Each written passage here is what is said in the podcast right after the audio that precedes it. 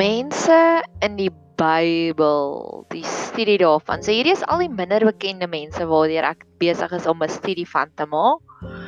So hierdie eerste storieetjie wat ek vir jou wil vertel is nogal 'n komplekse storie.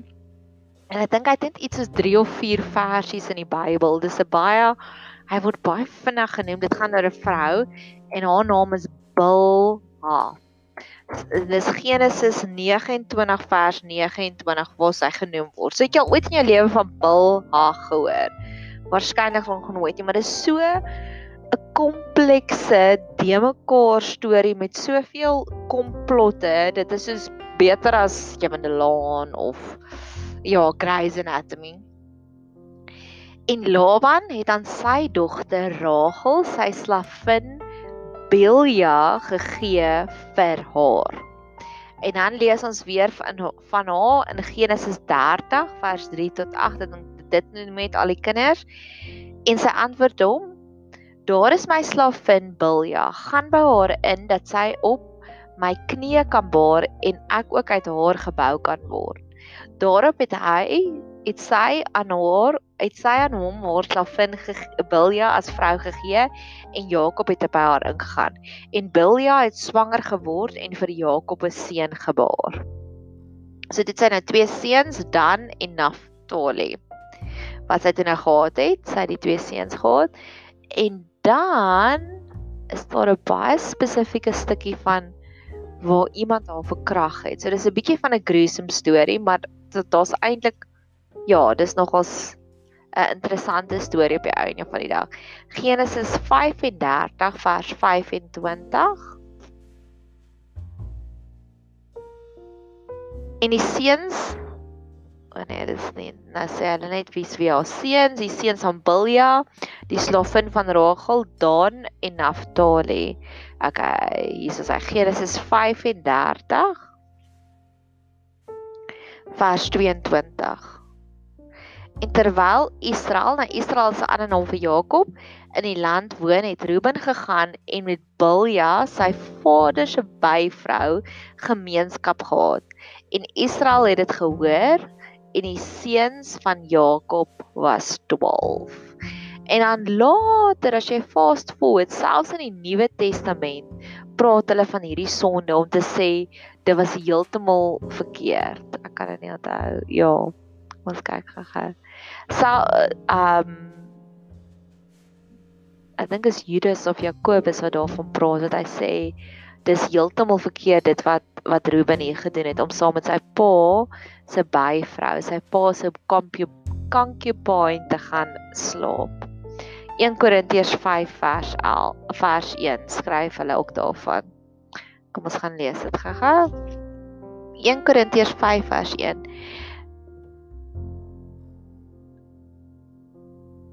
hulle noem nie die naam nie, maar hulle sê net 'n mens hoor waarlik van hoerery onder julle en hoerery van so 'n aard wat selfs onder die heidene nie bekend is nie dat iemand die vrou van sy vader het. So ja, dit is die vinnige kort verhaaltjie in die Bybel. Bilja wat 3 keer of 4 keer genoem word en elke keer word dit net genoem dis die kinders wat sy gehad het. Maar dis eintlik daar is 'n blessing ook in hierdie storie. Die eerste een is, okay, so die komplekse storie wat ek graag vir jou wil probeer uitlê is dit werk so. Daar was Jakob. Jakob was 'n man, sy pa was Isak, Isak se pa was Abraham. So Isak het hierdie seun gehad Jakob. Jakob het gevlug van sy broer Esau af want hy het die geboortereg by Esau gesteel. Jakob het gaan vlug en het by sy oom gaan bly, oom Laban.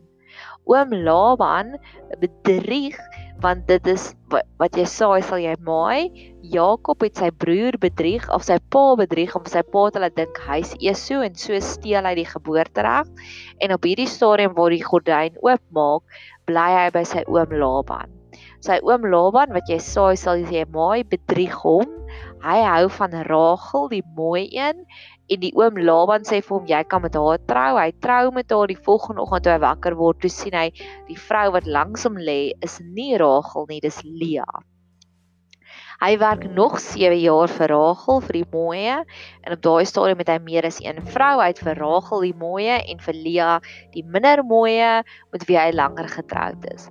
Op 'n stadium raak beide hierdie vrouens broei, hulle wil kinders hê en Leah, die minder mooi een, pop die een babatjie na die ander babatjie uit.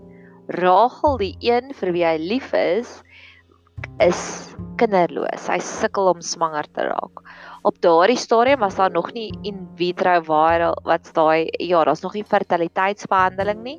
So wat hulle op daai stadium gedoen het, is hulle kry 'n surrogaat mamma en hulle sê, "Goed surrogaat mamma, gaan jy slaap met my man. Die kind wat jy kry is myne. Jy dra net daai kind. Ons gebruik net jou baarmoeder om hierdie kind te kry." Rachel die mooi een kry vir Belia waaroor hierdie hele storie gaan en Bilja is die surrogaat mamma vir Rachel. Sy kry twee kinders, Dan en Naftali. Jare later word uit Dan, uit die stam van Dan uit word Samson gebore en Samson verlos die hele volk. So Belia se storie op hierdie stadium is 'n baie hartseer, is 'n baie tragiese storie. Dis 'n storie van hoe die lewe net die heeltyd konstant haar rug sy rug op haar gedraai het, want eers was sy 'n slaafin, sy was nie 'n vrye mens nie. Toe word sy 'n surrogaat en later word sy gebruik in 'n politieke skuif en dis nou waar Ruben gaan inkom, ons gaan eers later hy kom. So die eerste maar die they lived happily ever after.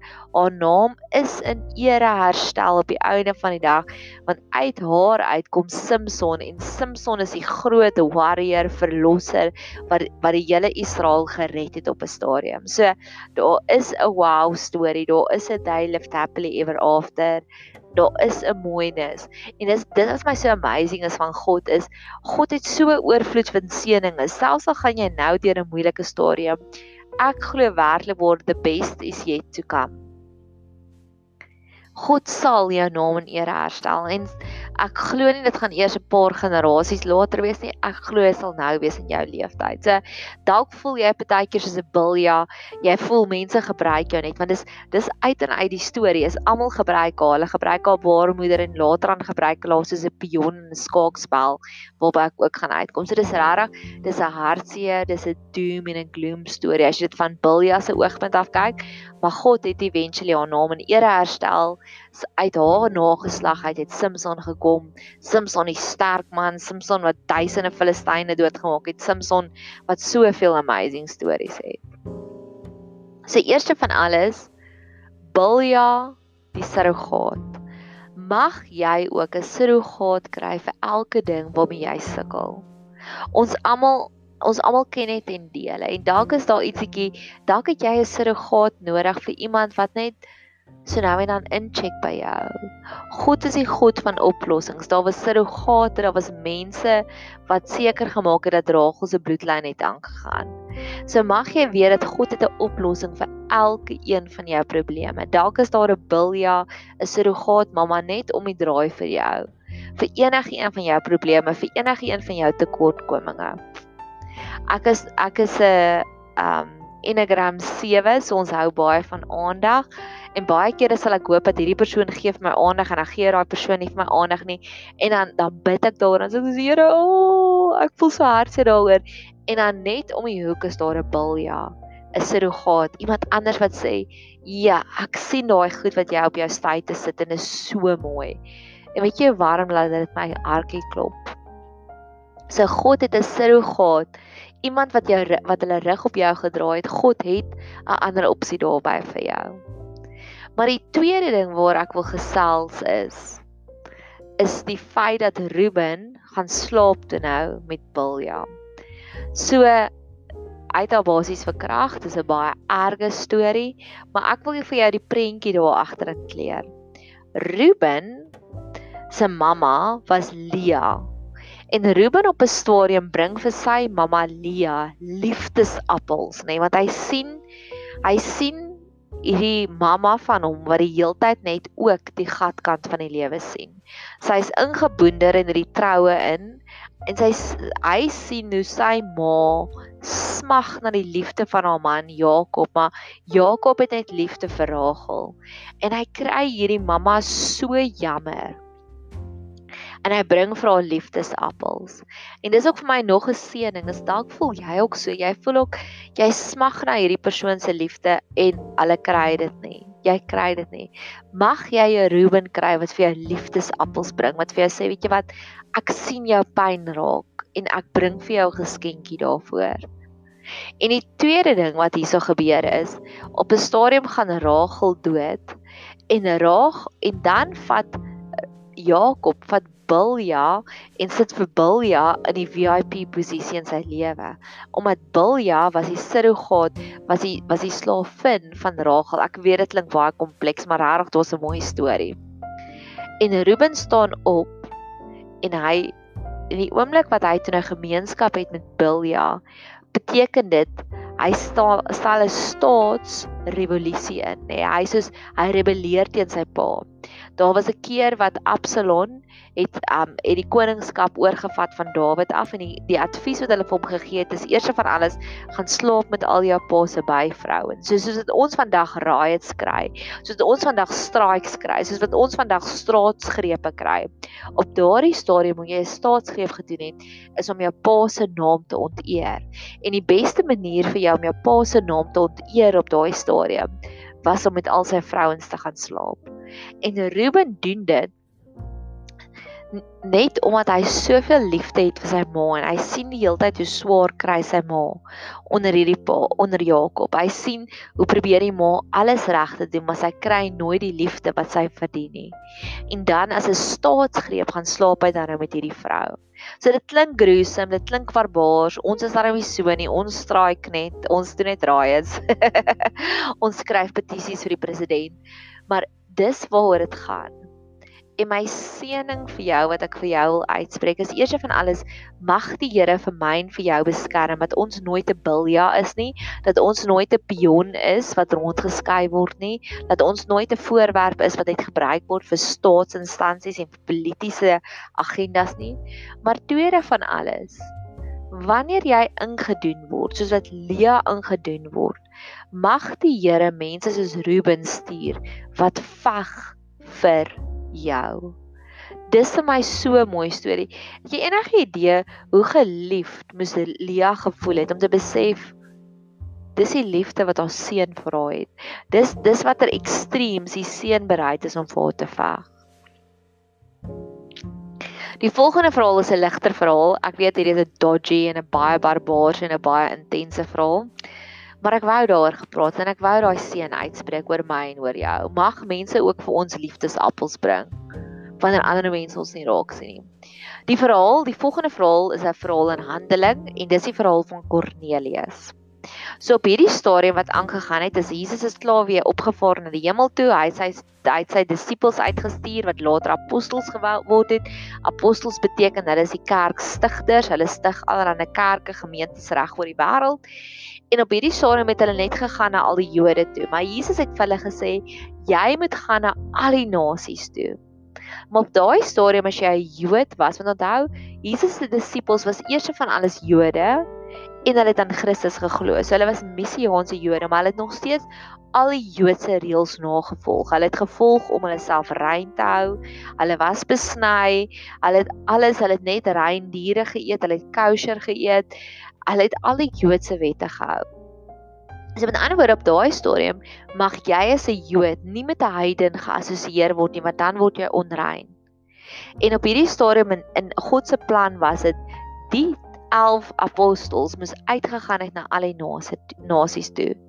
En Petrus wat die wat die hoof konyn was, wat die myn konyn was, hy sit en hy bid op die dak.